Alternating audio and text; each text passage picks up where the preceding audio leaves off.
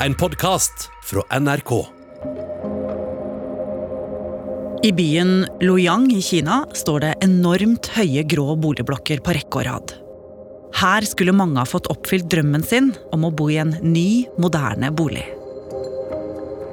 Men tar man en nærmere titt på blokkene, så ser man at ingen har fått satt inn vinduer. De grå betongblokkene mangler fasade og står der som skjeletter, mens heiskranene på byggeplassen står helt stille. For noe er alvorlig galt i boligmarkedet i verdens nest største økonomi. Og nå frykter en hel verden at det kan få konsekvenser langt utover Kinas grenser. Du hører på Oppdatert. Jeg heter Ragna Nordenborg. Akkurat nå ser hele verden til Kina fordi et av de største boligselskapene i verden er nær konkurs. De har 2600 milliarder kroner i gjeld, og den er så høy og vanskelig for dem at de vet ikke helt hvordan de skal klare å betale rentene på lånet engang. Sofie Lork Falk er økonomireporter i NRK Nyheter. Hvis et så stort konsern går konkurs, så kan det få en dominoeffekt over hele verden, så man aner ikke hvor store konsekvensene kan bli. Nei, og det som er litt spesielt, det er jo at det som skjer nå, eh, det er jo flere ting som tyder på at det er en varsla katastrofe. Ja. Hvor er det denne historien begynner? Jo, da må vi faktisk tilbake til 90-tallet. 为 sykehusene skal bli enda mer selvstendige, og staten skal blande seg enda mindre inn i økonomien. Hensikten er å skaffe Kina utenlandsk kapital, og ikke minst lære moderne vestlig bedriftsledelse. Kina hadde jo tidligere en statlig styrt økonomi under et kommunistisk regime. Og på 70-tallet så begynte de å åpne litt opp, men det var først på 90-tallet at de åpnet opp børser og det gikk an å bli gründer. Ja, og en av dem som faktisk gikk i gang og ble gründer, det var en mann som het Hu Kayan. Han kom opprinnelig fra nokså enkle kår, men han hadde jobba seg opp i stålindustrien, og etter hvert så så han at det var muligheter innen eiendomsbransjen. Ja, og han flyttet til Shenzhen, hvor han startet opp eh, boligbyggeselskapet som senere ble kjent som Evergrande. Ja, hva var det han gikk i gang med, egentlig? Han startet å bygge, for han så at eh, folk strømmet inn til byene i Kina. Dette var en periode hvor Kina var i sterk økonomisk vekst, og millioner av kinesere som eh, etter hvert tok steget inn i middelklassen, trengte et sted å bo. Og dette gikk jo så det grein, rett og slett. Ja, Han ble jo etter hvert en av de rikeste personene, ikke bare i Kina, men også i verden. Og han ble så rik at han begynte å få ambisjoner om å starte sitt eget fotballag. Han eh, lanserte drikkevann med reklamekampanje med Jackie Chan. Han ble virkelig en eh, storkar. Men så kom det et tegn på at eh, noe rett og slett skurra. Ja, for i 2009 så ble selskapet børsnotert, og når du blir børsnotert, da kommer analytikerne og har lyst til å se på regnskapene dine. Og da så de at selskapet har masse gjeld, og det var én analytiker som mente at det her er så farlig at de kommer til å gå konkurs. Hva gjorde denne analytikeren med det han hadde funnet ut? Han slapp en rapport hvor han over 57 sider viste hvor dårlig det går med selskapet. Og det likte jo ikke myndighetene i Hongkong, som mente at informasjonen var falsk. Ja, De ville rett og slett ikke ha noe av at det kom ut sånne rapporter. Og det som skjedde da, var at analytikeren rett og slett ble utestengt fra å være en aktør de neste ti årene. Og han havnet i rettssaker som kostet han titalls millioner av kroner de neste årene. Men til tross for dette varselet, så fortsatte hun og selskapet med å bygge og bygge. I stadig flere byer så kunne man se store, høye boligblokker skyte opp mot himmelen, signert Evergrande.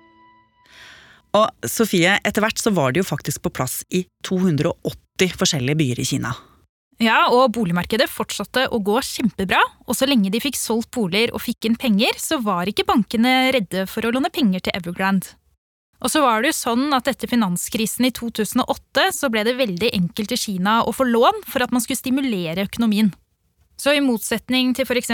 Norge, så var det ikke så strenge krav til hvordan økonomien til selskapet måtte se ut for å få lån. Ja, så det høres jo ut som det gikk riktig så bra for hun og Evergrande, dette. Ja, det gikk kjempebra, egentlig helt inntil slutten av 2017. Da så man bare at aksjekursen gikk videre oppover, og formuen fulgte etter. Han hadde jo da over 300 milliarder kroner i formue.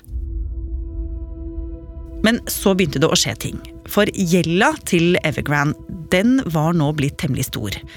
Og da begynte investorene og meglerne å bli litt urolige, og det førte til at aksjekursene til Evergrande begynte å svinge. Men det var ikke bare det.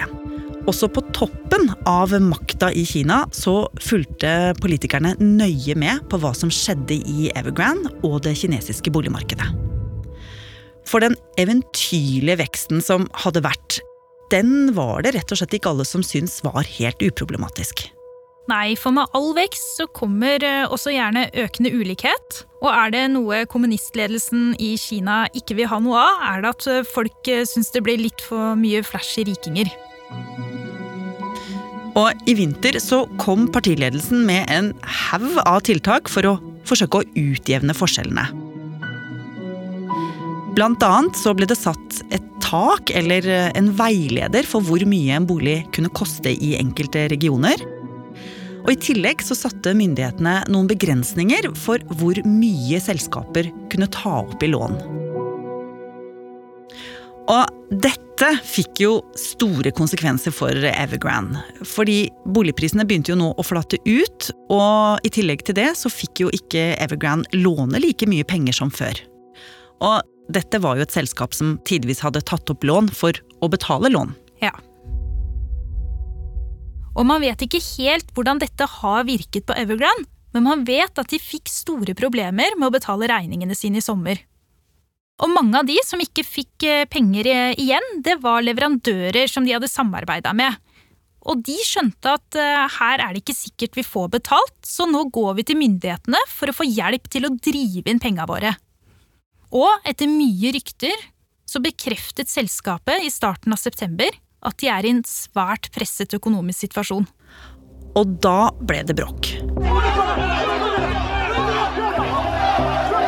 Utenfor hovedkvarteret til Evergrande samla frustrerte småsparere og boligkjøpere seg og ropte at de ville ha pengene sine tilbake.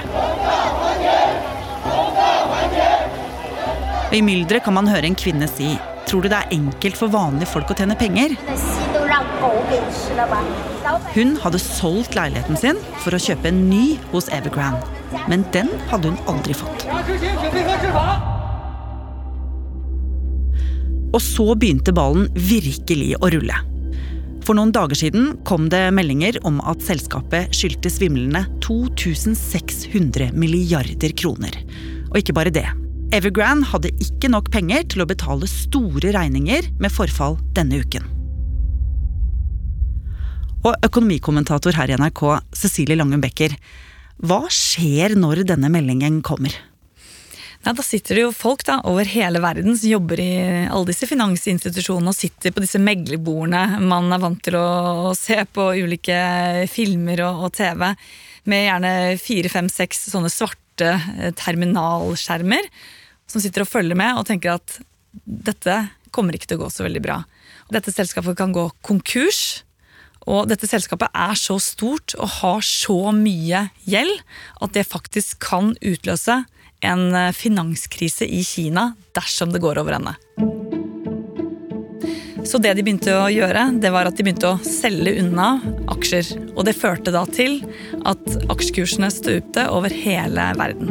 I natt raste kursene på Hongkong-børsen, og markedene i hele verden er sterkt påvirket av situasjonen i Evergrande. Kinas største boligselskap er truet av konkurs, og det kan få store ringvirkninger for verdensøkonomien. Evergrande risks defaulting on about 300 billion dollars of debt.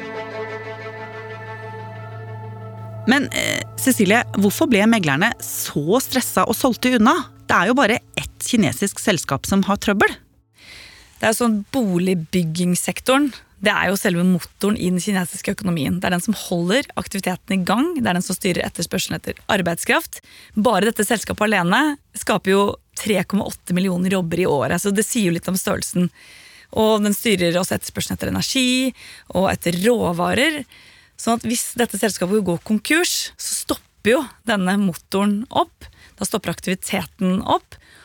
Og fordi de har så mye lån, man vet ikke helt hvor de lånene er hen, mange internasjonale finansinstitusjoner har lånt dem penger, da drar man dem med seg i dragsuget. Fordi har man ikke penger til å betale gjelden, da må man kanskje på et eller annet tidspunkt ettergi den gjelden, og da er det mange andre som også kan gå konkurs på veien. sånn at det, man etterlater seg jo da masse konkurser i kjølvannet av denne konkursen igjen.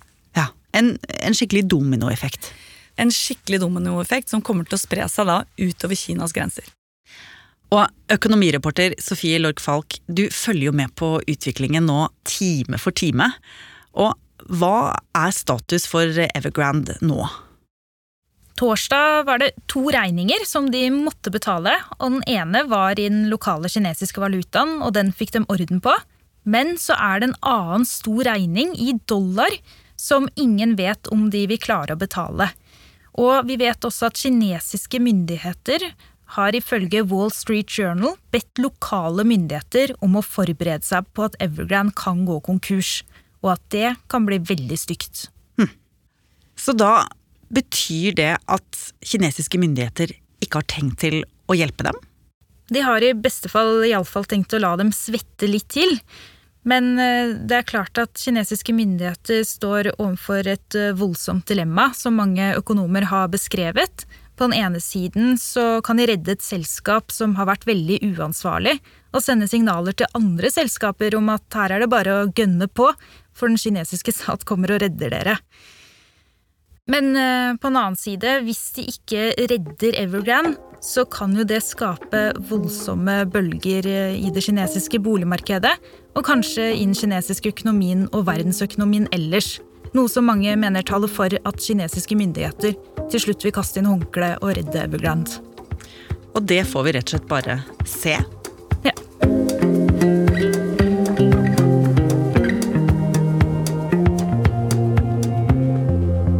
Har du lyst til å bli fast lytter av oss i Oppdatert og få påminnelse om nye episoder, er det bare å følge oss i NRK radioappen. Og så er det veldig hyggelig hvis du vil anbefale oss til en venn. Oppdatert er en podkast fra NRK Nyheter, og denne episoden er laget av Irina Kjelle, Andreas Berge og meg, Ragna Nordenborg. Programredaktør er Knut Magnus Berge. Vil du kontakte oss, gjør gjerne det på oppdatert krøllalfa nrk.no. Du har hørt en podkast fra NRK. Hør flere podkaster og din favorittkanal i appen NRK Radio.